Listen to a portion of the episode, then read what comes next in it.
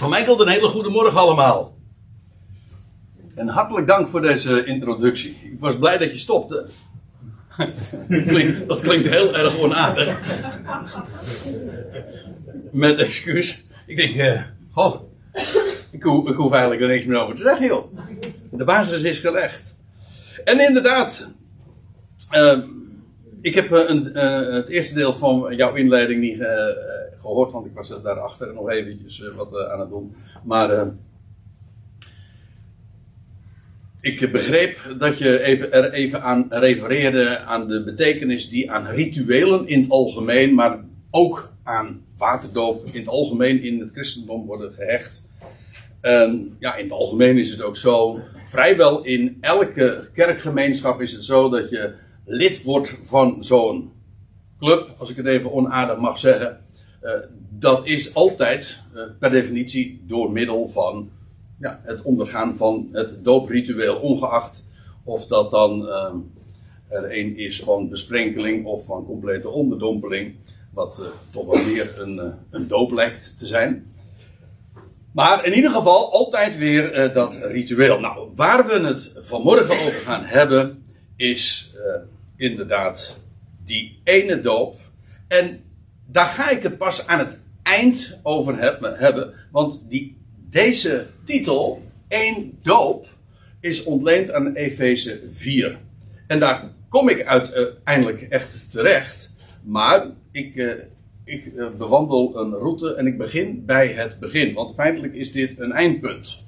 Dan weet u in ieder geval waar we uitkomen.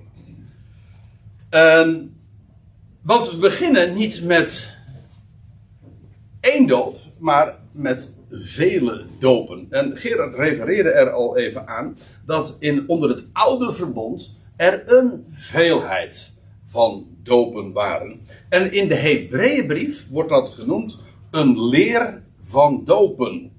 En ja, dan moet je wel even weten dat de Hebreeënbrief geschreven is, schrik niet, aan Hebreeën.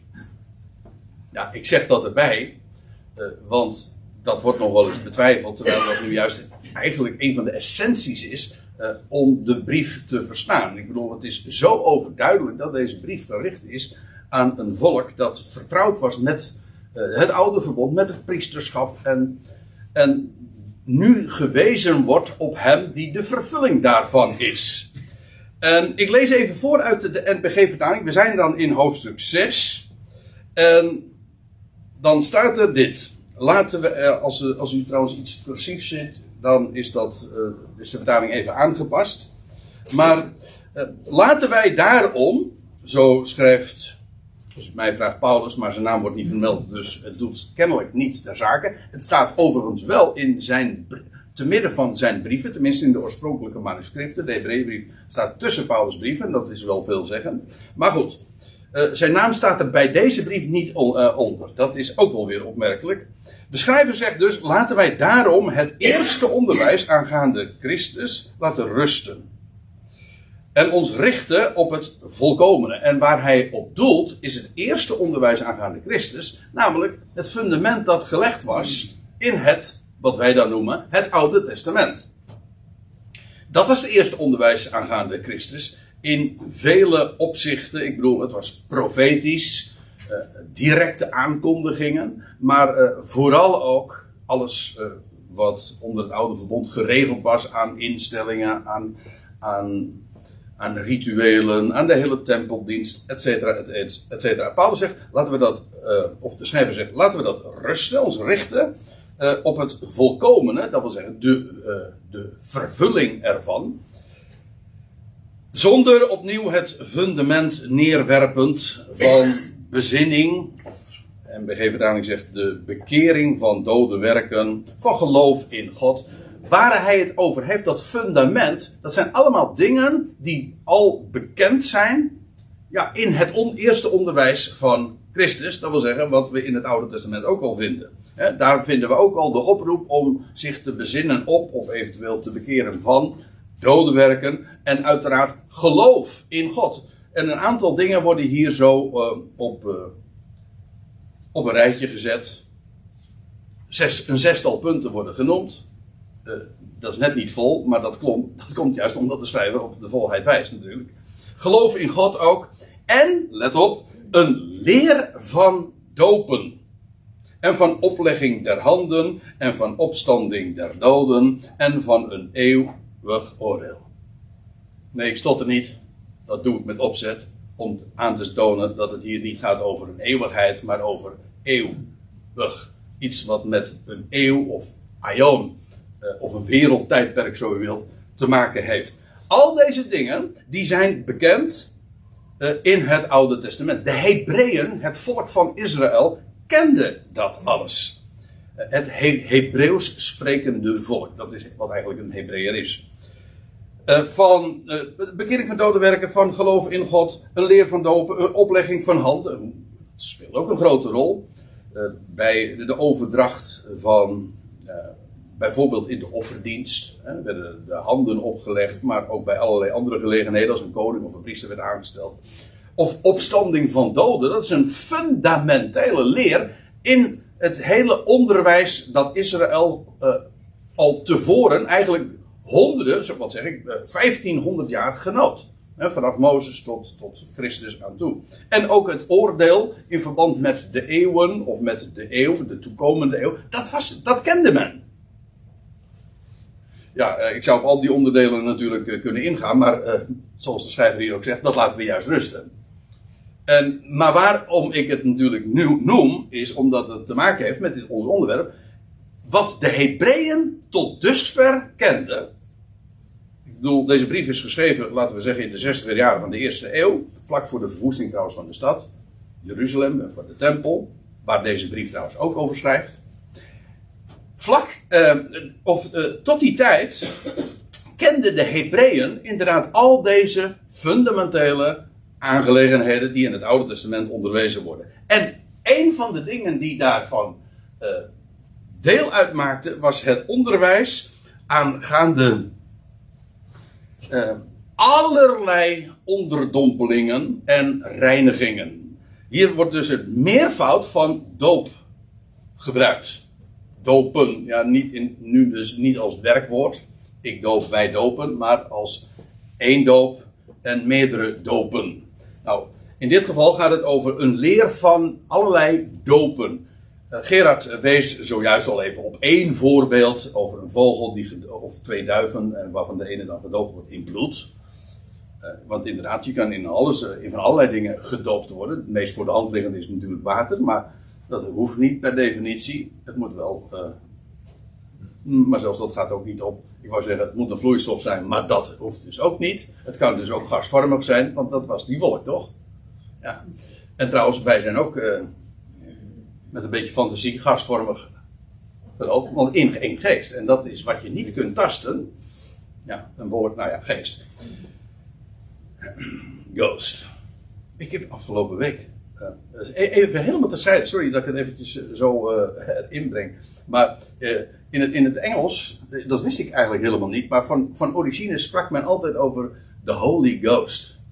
En dat is, geloof ik, in het begin vorige eeuw is dat langzaam ongeslagen, omdat het woordje ghost heel veel te maken heeft met ja, een spook in, de, in de associaties. Dus toen werd de Holy Ghost werd de Holy Spirit. Omdat het te veel te maken heeft met met een spook. Waarbij ik trouwens er ook nog achter kwam, maar dat, dat helemaal even terzijde, dat een spook te maken heeft met iets wat je hoort, met spoken, met, met het Engelse, dus verleden tijd van spreken, met iets wat je wel hoort. Je ziet me niet, maar je hoort me wel. Nou ja, dat is etymologie. In ieder geval, uh, even terug uh, ter zake, André. Uh, een leer van dopen. Want er waren allerlei gelegenheden. In de Hebreeënbrief in hoofdstuk 9, vers 10 verwijst de schrijver daar ook naar. Ik ga er nu niet naartoe. Ik ga wel eventjes met u naar Marcus 7 toe. Uh,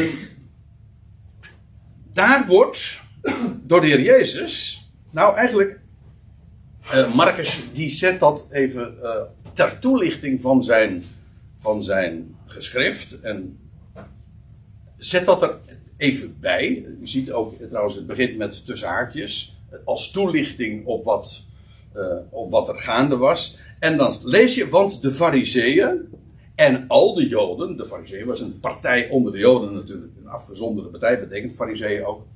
En, nou, en al die joden, die eten niet zonder eerst een handwassing verricht te hebben. Nou moet ik erbij zeggen, uh, u zegt dat vind ik vrij normaal, want dat doen wij ook. Hè, dat is wel zo hygiënisch.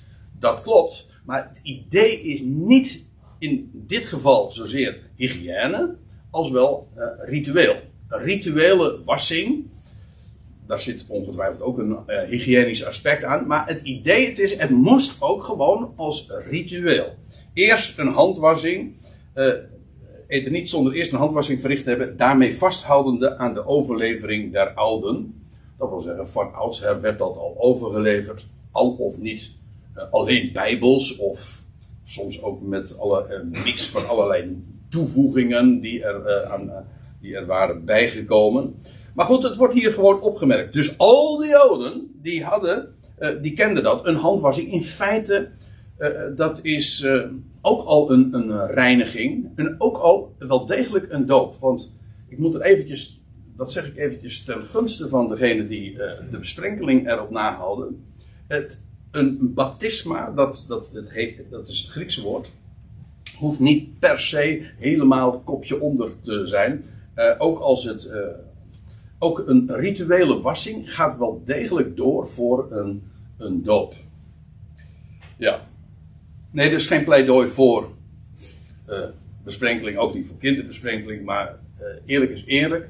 het is niet zo dat aangezien baptisma inderdaad uh, zoiets als onderdompeling betekent, dat dat altijd per se een kopje onder moet zijn. Dat hoeft niet. Oké.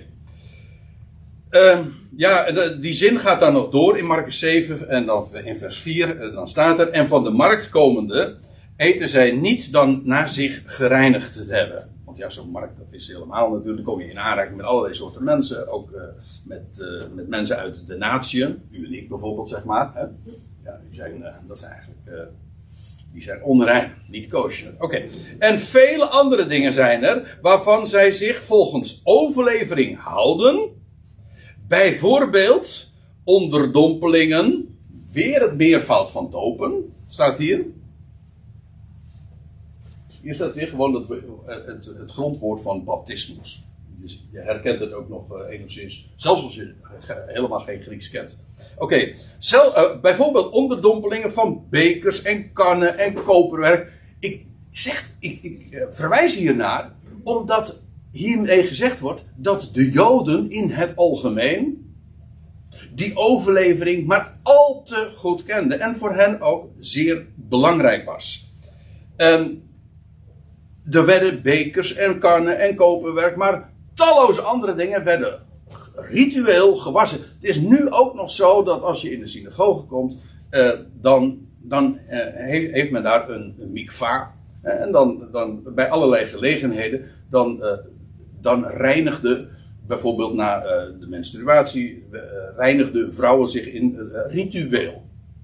En dat was dat, ook dat was een doop, maar dan doopte men zichzelf altijd. Dat is heel eh, essentieel ook in die, al die dopen. Men doopte zich. Zelf dus. En bij allerlei gelegenheden. Wat ik er eigenlijk mee zeggen wil, is dat de Hebreeën van oudsher vele, vele dopen kenden. Vele onderdompelingen, zo u wilt. Daar waren ze mee vertrouwd. Dan komen we in het Nieuwe Testament. Dit is eigenlijk de situatie zoals die was onder het oude verbond. Dan komen we in het Nieuwe Testament aan. Um, en dan komen we in aanraking met een heel nieuw soort doop. Namelijk de doop van Johannes. Laten we eens naar Marcus 1 toe gaan. Het, gewoon het begin van dat hoofdstuk, van, uh, van hoofdstuk uh, 1 en dan staat er, uh, dat zo, ik lees weer trouwens uit de MBG-vertaling, begin van het evangelie van Jezus Christus. En ik sla een paar versen over voor de, tijd, voor de tijdswillen. Toen geschiedde het dat Johannes doopte in de woestijn. Zie je, je kan zelfs in de woestijn dopen. Nou, zo. ja, ik moet er wel bij zeggen, in, in de omgeving van de woestijn, maar het was echt in de Jordaan. Ik zal het straks geloof ik ook nog voorlezen. Maar goed, hij doopte in de woestijn. En de doop van bezinning. Of meestal wordt het weergegeven met bekering. Hoewel het woordje. In, in het Grieks staat hier het woordje metanoia. En metanoia betekent letterlijk. Meta is met of om. En noia is denken. Je hebt ook zoiets als paranoia. Dan zit het denken ernaast. Uh, maar je hebt ook. Uh, wat voor noia heb je nog meer? Annoying. En, annoying, ja, dat hoop ik niet dat ik ben, maar, maar dat is dan weer Engels en dat heeft volgens mij weer niks mee te maken. Nee, oké. Okay, uh, Oké, dat noia, maar eigenlijk dus metanoia betekent niet zozeer dat je omkeert, dat is eigenlijk een ander woord. Het is omdenken. En vandaar ook dat uh, het woord bezinnen geeft denk ik dat heel goed weer. Een doop van bezinning. Uh, tot vergeving of bevrijding van zonde predikte Johannes. Kijk, het bijzondere van Johannes, en dat, ik denk dat vele mensen dat ontgaat. Johannes wordt genoemd Johannes de Doper.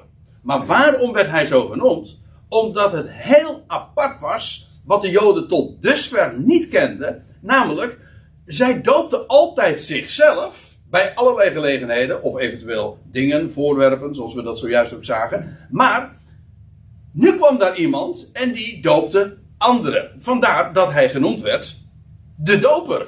En dat was bijzonder, want dat fenomeen kenden de Hebreeën tot dusver niet. Daar was nou iemand die daar in de woestijn een hele nieuwe weg. Je leest ook, trouwens, dat zijn net de versen die ik overgeslagen heb. Of dat in vers 1 eh, of in vers 2 en 3 zo beschreven wordt. Dat hij degene is die de weg van de Heer uh, bereidde en die uh, hem aankondigde. En Johannes doopte. En een doop van bezinning. En, en dan staat er, en het hele, vers, in datzelfde gedeelte van Marcus 1. En het hele Joodse land liep tot hem uit. En alle inwoners van Jeruzalem. En zij werden door hem gedoopt. Niet zij doopten zichzelf.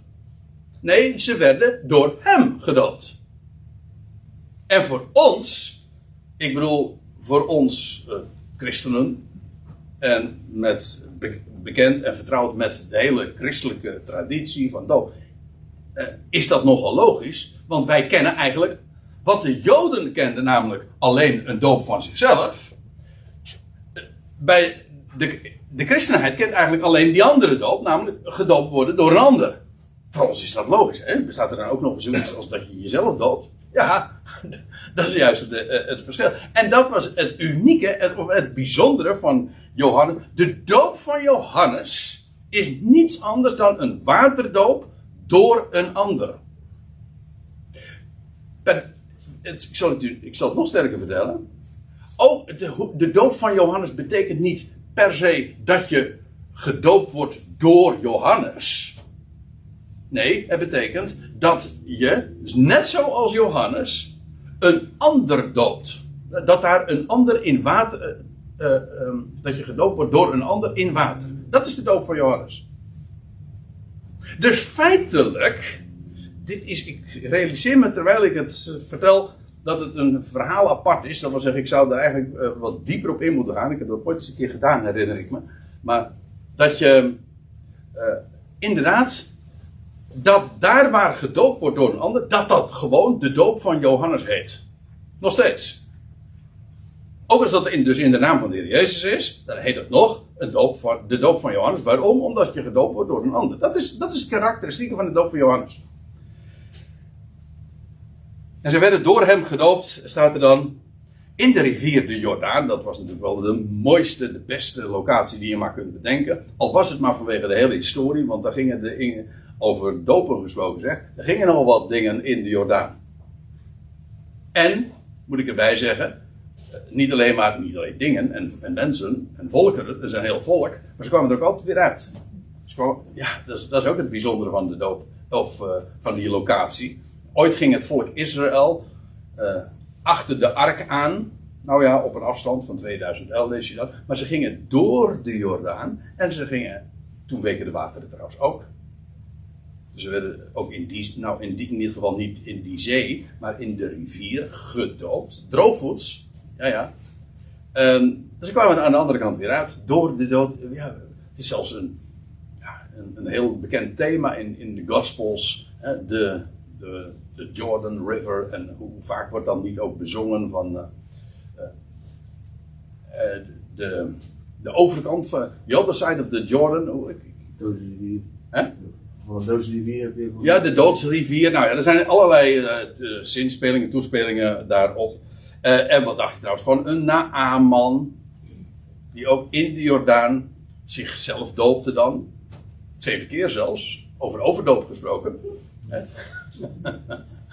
en, uh, of een bijl werd er ook in gedoopt en die kwam er ook weer uit.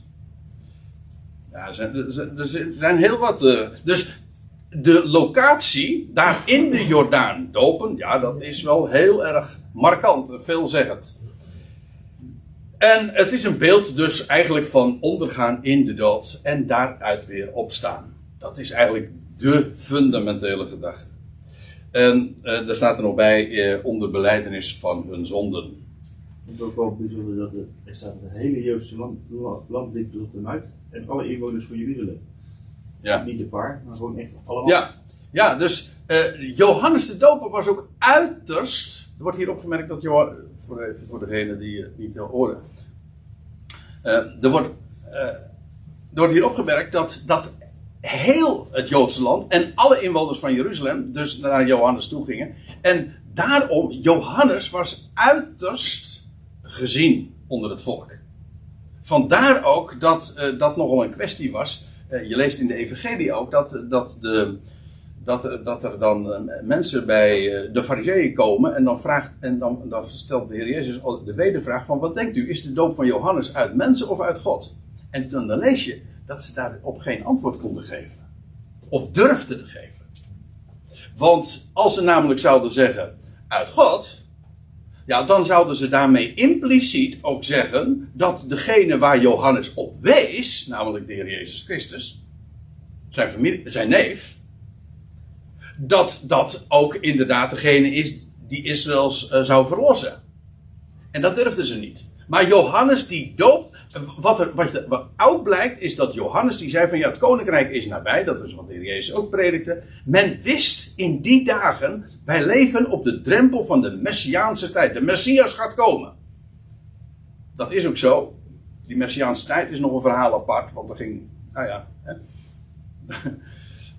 Daar heb ik het zo meteen nog even over. Maar de Johannes, uh, ja, die, uh, die, die predikte dat. En, en men wist, deze man, die herinnerde in alle opzichten ook aan Elia, al was het maar aan de manier waarop hij gekleed was in kamelenharen mantel. Hij, hij had net als Elia. Die man die herinnerde in alles aan Elia. Hij was ook de Elia die komen zou. Als men had geloofd. Ja, dat klinkt ook wat cryptisch, maar ik kan het ook niet helpen. Goed, nou, dat over Johannes die doopte dus. Die waterdoop. Uh, nou ga ik even naar Handelingen 13. En daar lees je dat Paulus in de synagoge is van Antiochië. En daar uh, ja, nou houdt hij zijn verhaal. En dan geeft hij eigenlijk een historisch overzicht. En dan staat er, uh, uit zijn zaad, en dan gaat het over David, heeft God naar de belofte voor Israël de redder Jezus doen komen. Jezus betekent ook Yahweh red. Dus, nou ja, eh, zoals beloofd en aangekondigd en voorzegd is. Namelijk, eh, uit David zou hij voortkomen, bij gelegenheid, die Israël zou redden. En dan staat er in vers 24 vervolgens, nadat Johannes eerst voor zijn optreden, dat wil zeggen voor Jezus optreden, aan het hele volk Israël een doop van bekering, of zo u wilt, van bezinning gepredikt had. Dus voordat de Heer Jezus aan publiek ging optreden, was daar Johannes de Doper, die al zijn weg had voorbereid, die al veel, of nou niet veel denk ik, maar eerder optrad.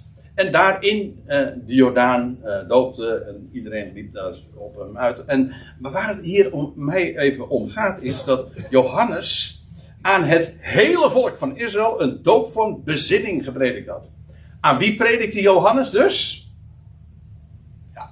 Aan het volk van Israël. En wel een doop van bezinning. Ze, aan hen was namelijk de Messias beloofd in de eerste plaats.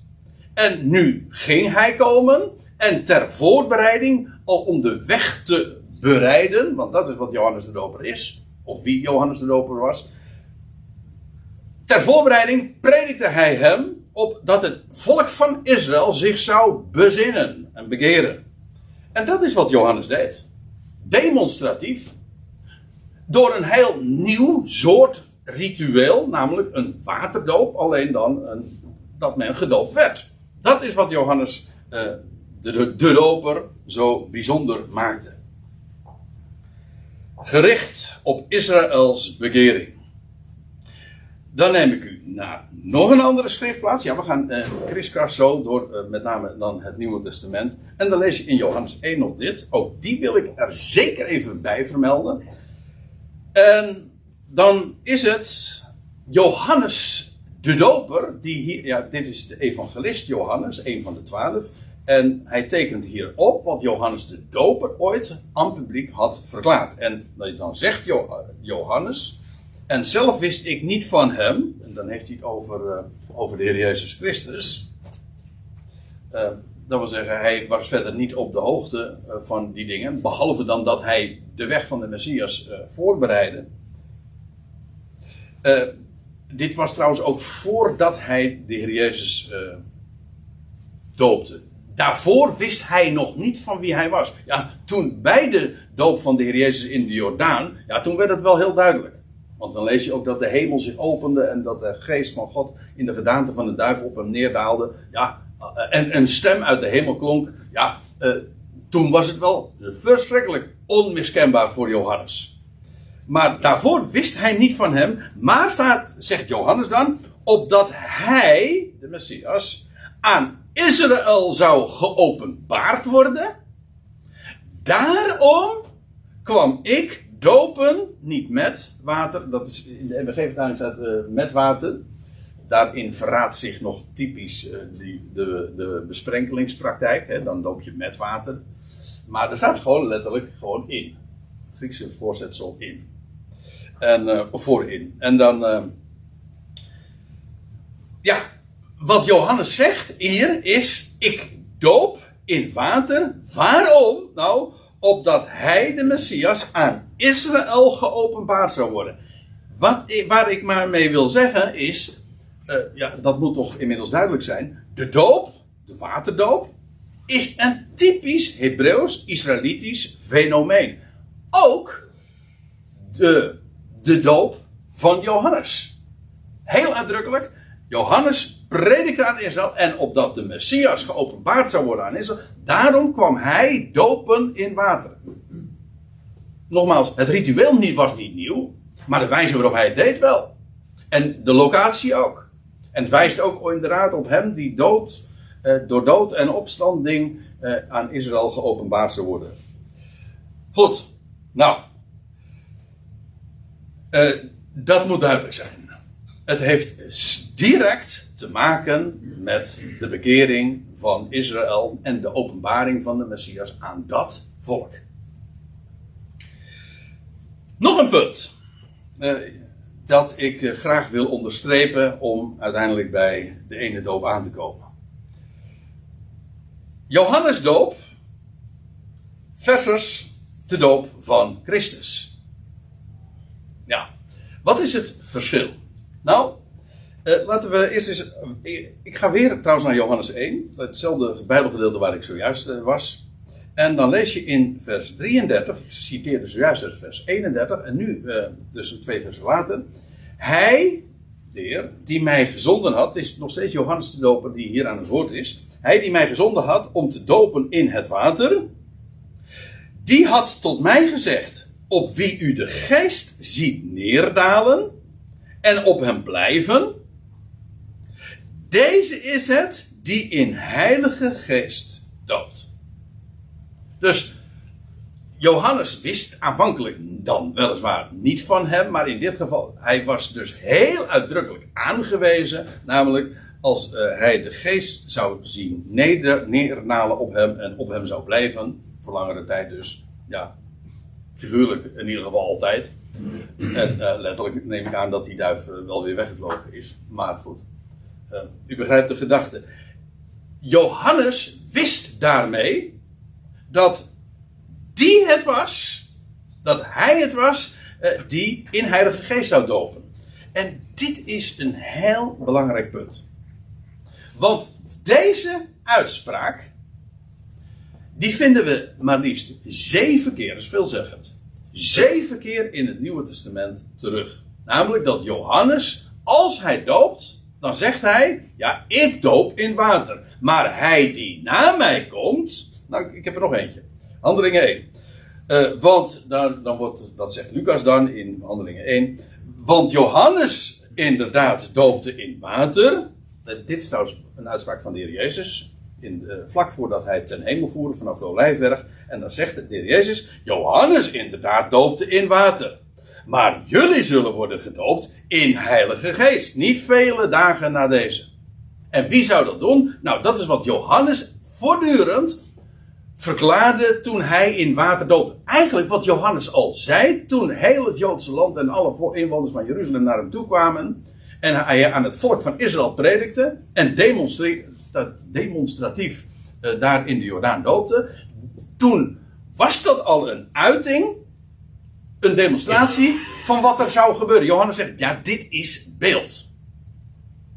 Ik doop in water, maar het spreekt van hem die gaat komen, op wie ik wijs, naar wie ik, van wie ik ook de wegbereider ben. En hij is het die zal dopen in geest. Ik doop in water, maar hij gaat dopen in geest. Dat is de echte doop. En nou stel ik uh, de vraag: wat is nou. Je hebt dus de doop van, van Johannes, dat is de doop in water. En nou vraag ik: hij die na hem kwam, die zou dopen in geest. Wat is, en wie was dat? Ja, dat is de Heer Jezus Christus, dat is de Messias. En wat is het kenmerkende van zijn doop? Dat is dat hij, hij doopt in geest. Dat is wat Johannes voortdurend verklaarde. Ik zei al, zeven keer wordt dat in het Nieuwe Testament vermeld. Om daarmee het belang van die waarheid te onderstrepen. Wat daarmee gezegd is,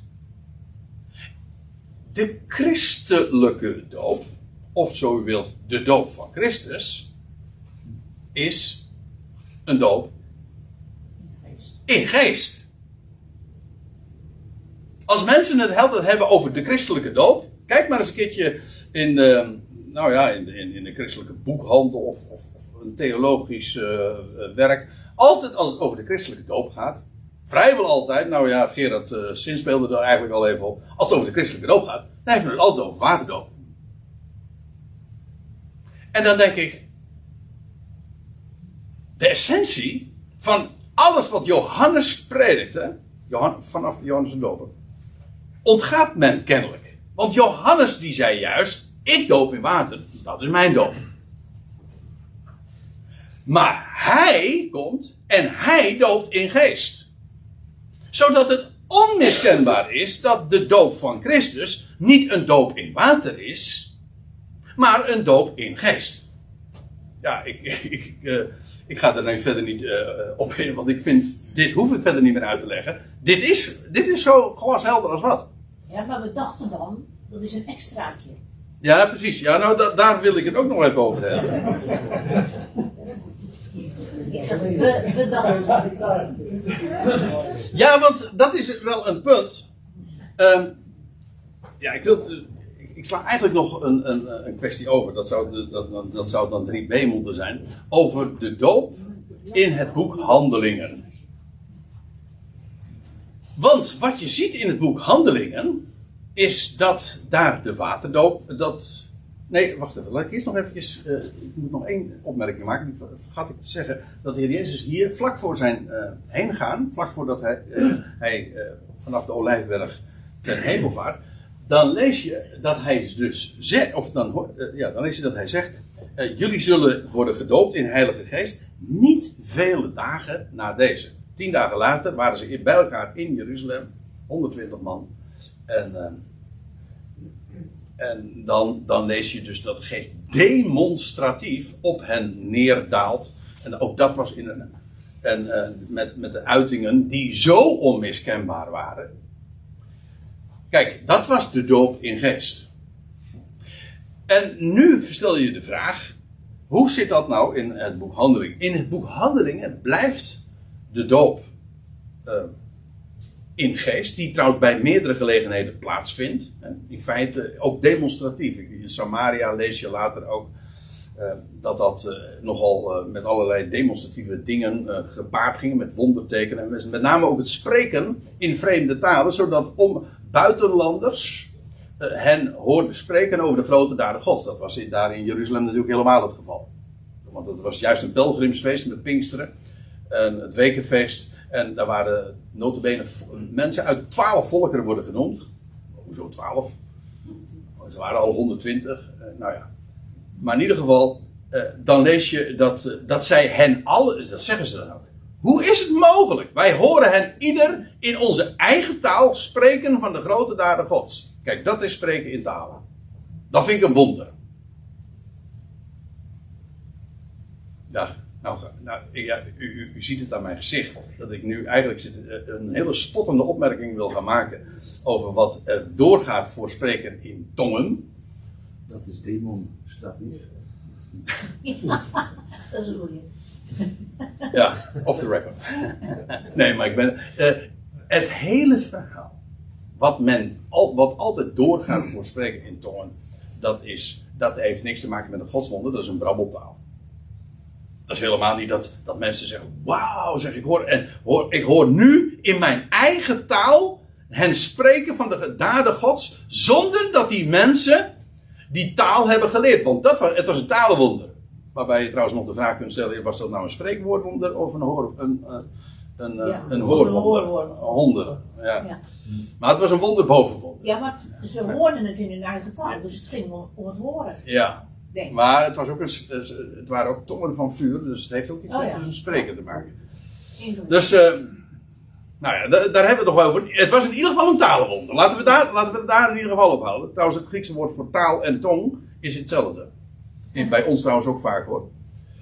Eh, velerlei tongen, dat wil zeggen velerlei talen. Oh, ja. Ja.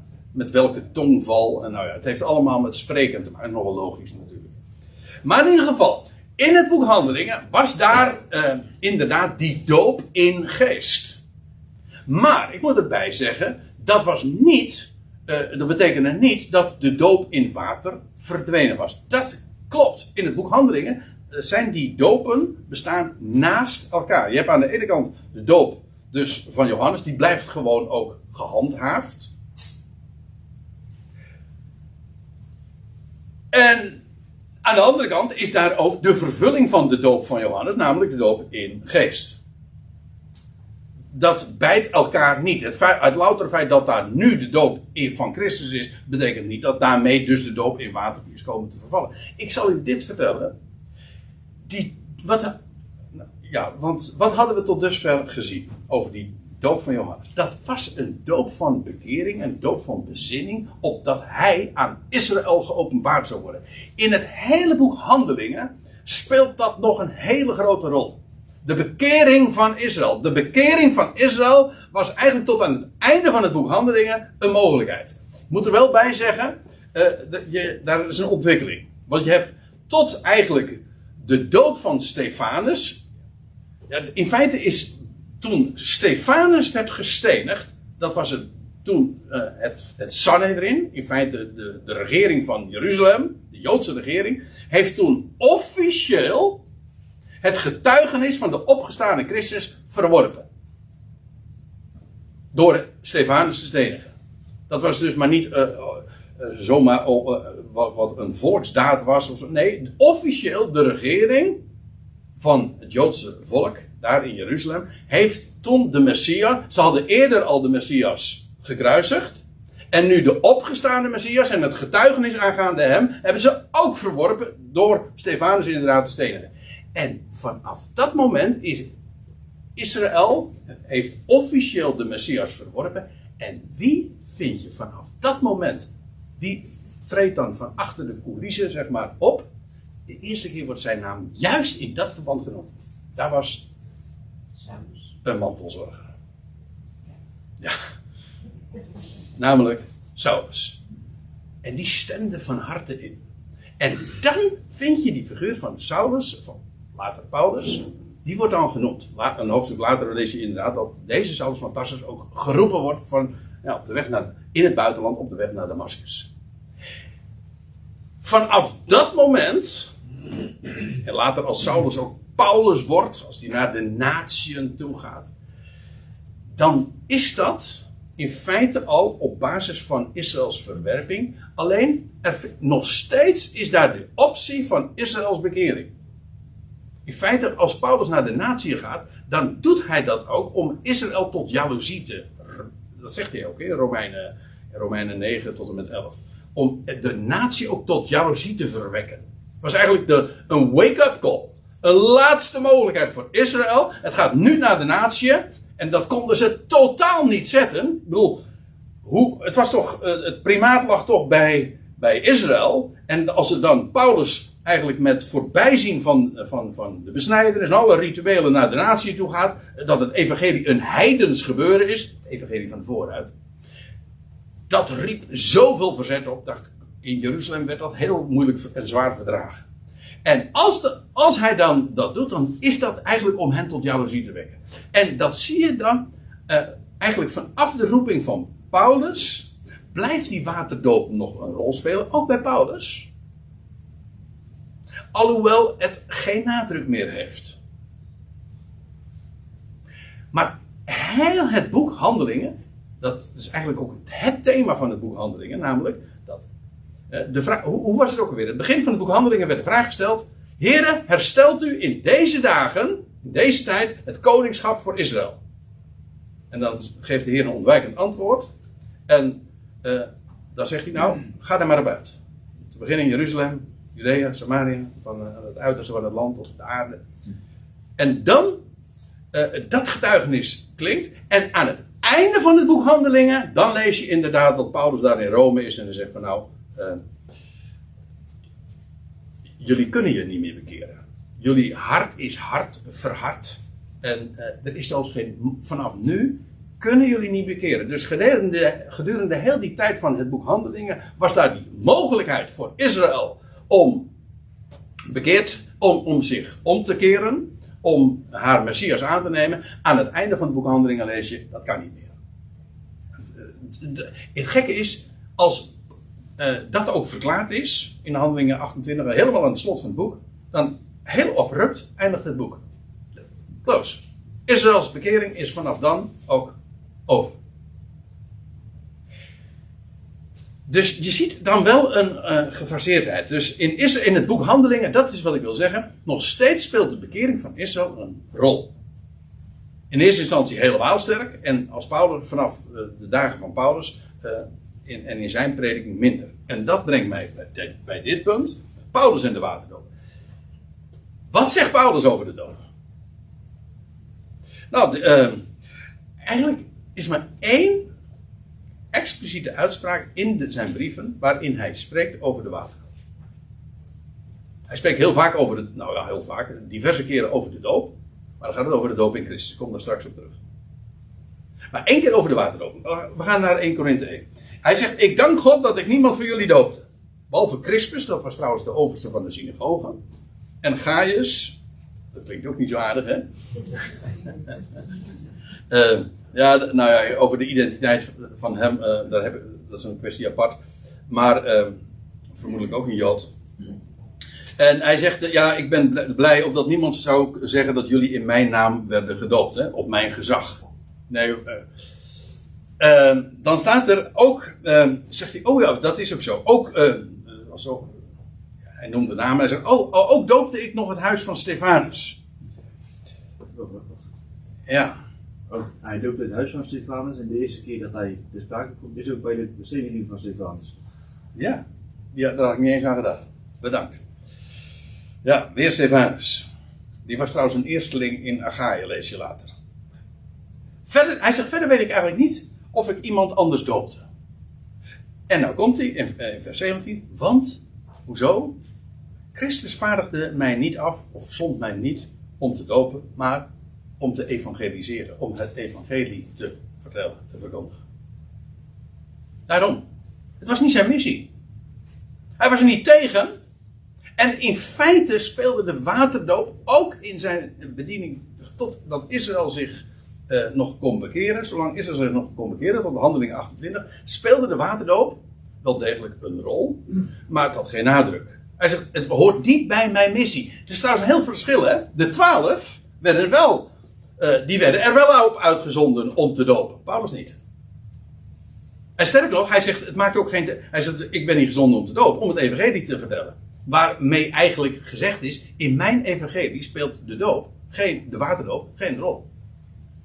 Niet omdat hij er tegen was, maar het was niet zijn missie. Vandaar ook dat uh, het totaal geen uh, nadruk heeft in zijn bediening. Hij heeft bij gelegenheid gedoopt, maar uh, nogmaals, hij was er niet toe gezonden. In feite, hij excuseert zich min of meer. Oh ja, nou ja, hij zegt, want de Heer heeft me niet gezonden. Ik heb wel gedoopt, maar het hoort niet bij mijn, mijn missie, mijn bediening. Waar ik ben er niet toe gezonden. Ja, waar hij het wel over had, dat is de doop in Christus. Ik moet een beetje opschieten. Uh, maar uh, 1 Korinthe 12. Dat is trouwens ook de Korinthebrief. 1 Korinthe 1 zegt hij: Ik ben niet gezonden om te dopen, water dan. En dan in 1 Korinthe 12, dan zegt hij: Want ook in één geest, in één geest, worden wij allen tot in één lichaam gedoopt. Dat zijn Joden, dat zijn Grieken, dat zijn Slaven, het zijn Vrijen, gaat nog verder. Maar ja, waar gaat het hier over? Een doop in water? Nee, over een doop in één geest. En, die ga, en allen in het lichaam zijn in. Allen die in dat lichaam zijn, die zijn in dat lichaam omdat ze in één geest gedoopt zijn. Op het moment dat je verzegeld wordt met de Heilige Geest, dan word je in die, uh, dat lichaam geplaatst. Daar komt inderdaad geen druppel water aan te pas. En uh, zoals Gerard ook al zei, en eigenlijk hebben we dat nu al vanmorgen uh, op allerlei manieren vastgesteld. Voor dopen, om gedoopt te worden, daar hoeft helemaal geen water bij te pas te komen. in dit geval, de doop in Christus is een doop in geest. In één geest. Galaten 3 nog eentje. Want jullie allen die tot in Christus gedoopt worden, trekken Christus als kleed aan. Met andere woorden, je bent dan met hem bekleed. Hoe dan? Dat is een doop in Christus. Is dat water? Nee, dat is een doop in Christus. Uh, ondergedompeld worden in hem. Ja, nou ja, uh, ik, u, u, begrijpt, ik, ik moet. Uh, ik moet me beperken tot, tot, tot het onderwerp. Want uiteindelijk moeten we dan toch komen bij die ene doop. En ik had dat aangekondigd, dat is logisch, want daar, daarheen waren we op weg. Nou, we hebben dus een heel aantal dingen al uh, zo, weliswaar kort, voor de vuist weg, vastgesteld. maar dan komen we aan het einde van het boek Handelingen. Ik, ik, ik had het al, zojuist al over Handelingen 28. Dan komt Paulus daar in Rome en dan is hij daar gevangen. En vanuit de gevangenis in Rome schrijft hij brieven. De gevangenisbrieven. En wat hij in de Efezebrief naar voren brengt, dat is geweldig. Dat zijn ongekende hoogten. Ja, ik heb een boek over dat, uh, de Efezebrief geschreven. Heb ik ook die titel uh, gegeven. Ongekende hoogten. We zijn namelijk in Christus geplaatst. En wat hij zegt in hoofdstuk 2 ook, betoogt hij dat uitgebreid. Hij zegt: Het is nu niet meer die tweeheid, die verdeling van de besnijdenis en de voorhuid. In de boekhandelingen speelde dat nog een hele grote rol. De speciale plaats van Israël, afgeschermd, die middelmuur. Uh, en, en, en, daarbuiten had je de natieën, ja, en die stonden daar, naar het vlees stonden ze daar buiten. Nou, in ieder geval, in het boek Handelingen speelde die tweedeling nog een grote rol. En wat Paulus zegt, nu de speciale plaats van Israël verdwenen is. De muur om dat volk is weggebroken. En als u nu niet goed begrijpt waar ik het over heb, kijk het maar na in Efeze 2. sinds dat de realiteit is, is er eenheid. Niet, en dan zegt hij, eh, en nou citeer ik vanaf vers 3, eh, dat hij schrijft, beijverend de eenheid van de geest te bewaren. Dat vind ik zo prachtig, dat hier staat bewaren, want dat, dat veronderstelt dat die eenheid van de geest er is. Daar waar we het evangelie kennen, daar is eenheid. En die hoeven wij niet te maken. Op het moment dat je een eenheid maakt, dan weet je in ieder geval, is niet de eenheid van de geest. Want die is er namelijk al. In feite, als je een, een, een eenheid gaat maken, dan bewaar je dus niet de eenheid van de geest. Dus het is, zo sterk is het. En beijveren de eenheid van de geest te bewaren. In de samenbinding van de vrede. En dan noemt hij zeven dingen. Weer zeven keer een eenheid.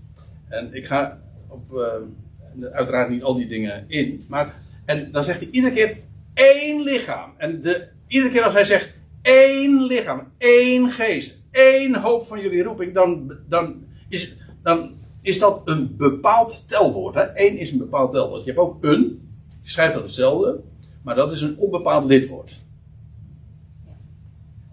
Eén wil zeggen, dat is een bepaald telwoord. Eén. En dat betekent slechts één. Het gaat er niet om dat er een lichaam is en een geest. Nee, er is één lichaam, één geest, één hoop. Slechts één. De nadruk ligt dus op die eenheid. Er is één lichaam. Nu niet meer verschillende lichamen. Niet meer verschillende geesten, sferen. Ook niet verschillende verwachtingen. In het boek Handelingen was er ook nog de verwachting van de besnijdenis. En de verwachting van de voorhuid, hè, van de natie. Nee, sinds Handelingen 28, sinds Paulus daar in de gevangenis is. Sinds is er de bijzondere plaats van Israël verdwenen is. Is er slechts één lichaam. één geest. één verwachting ook. Geen tweedeling meer. Slechts één. De beiden zijn één gemaakt. Als Paulus deze nadruk iedere keer legt op het woord één, dat, dat telwoord één, dan is dat eigenlijk ook een toelichting op wat hij in Efeze 2 al had betoogd. Eén Heer, zegt hij. Eén geloof. Er was inderdaad verdeling. Ook als het gaat om gezag en autoriteit. Nu zegt hij, één Heer is nog. Eén geloof. En nou komen we. Het duurt lang. Maar uh, juist door deze route te bewandelen, komen we bij dit, ja, bij deze uitkomst. Eén. Nu begrijp je ook waarom er nog maar één doop is. Niet vele dopen, zoals onder het oude verbond. Zelfs niet twee dopen, zoals in het boek Handelingen. Toen het volk van Israël zich zou, nog steeds zou bekeren of kon bekeren. Nee, sinds Paulus daar in, de, in Rome is en, en, en het boek Handelingen is afgesloten en Israëls bekering voorlopig uh, is uitgesteld, is er één lichaam, één Heer en één doop. Niet langer twee dopen, maar één doop. En zegt hij nog ter afsluiting: één God en Vader van allen. Dus ja, hoe kennen wij elkaar? Wat is de basis van eh, onze omgang met elkaar? Nou, dat we de ene Heer hebben, één geloof één doop. Dat is wat ons verbindt. En op het moment dat je er andere elementen bij brengt, dan is het niet meer één. Dan creëer je dus verdeeldheid. En we zouden ons juist beijveren om de eenheid te bewaren. Een geestelijke eenheid. En, we, en de boodschap is, ja, daar sluit het Paulus dan ook mee af. Eén God en Vader, die is van allen. Die is boven allen en door allen en in allen. Kijk, daar in die boodschap vinden we elkaar ook. Ik weet, ook dat wordt natuurlijk uh, alom ontkend. Maar dat is God, de God en Vader. Hij is een Vader van allen, maar ook boven allen, maar ook door allen en in allen. Uiteindelijk. Nu nog niet, maar dit, dat wordt wel de situatie. En dat is die eenheid die we koesteren, die we bewaren. En die, die echt de moeite waard is ook om, in, in, om ons te beijveren daarop te, dat te bewaren. Ja. Dus, als ik het even mag samenvatten. Schematisch. Onder het oude verbond had je vele dopen. Dan krijg je in de handelingentijd waren daar twee dopen. De doop van Johannes. Namelijk de doop in water. En de, en de doop van Christus, een toch geestelijke doop. En na de handelingentijd, nu Israël inderdaad terzijde staat en de bekering van Israël geen optie is, geen bijzondere plaats voor dat volk meer is, is blijft er over slechts één doop. En daar wilde ik het graag bij laten. Bij één doop. Daar wil ik het graag bij laten. Ja. Goed, lieve mensen. Ik hoop dat uh, hiermee het een en ander verduidelijkt is. Uh, want er bestaat veel verwarring over dit thema. Maar dat had u zo al luisterend. Uh,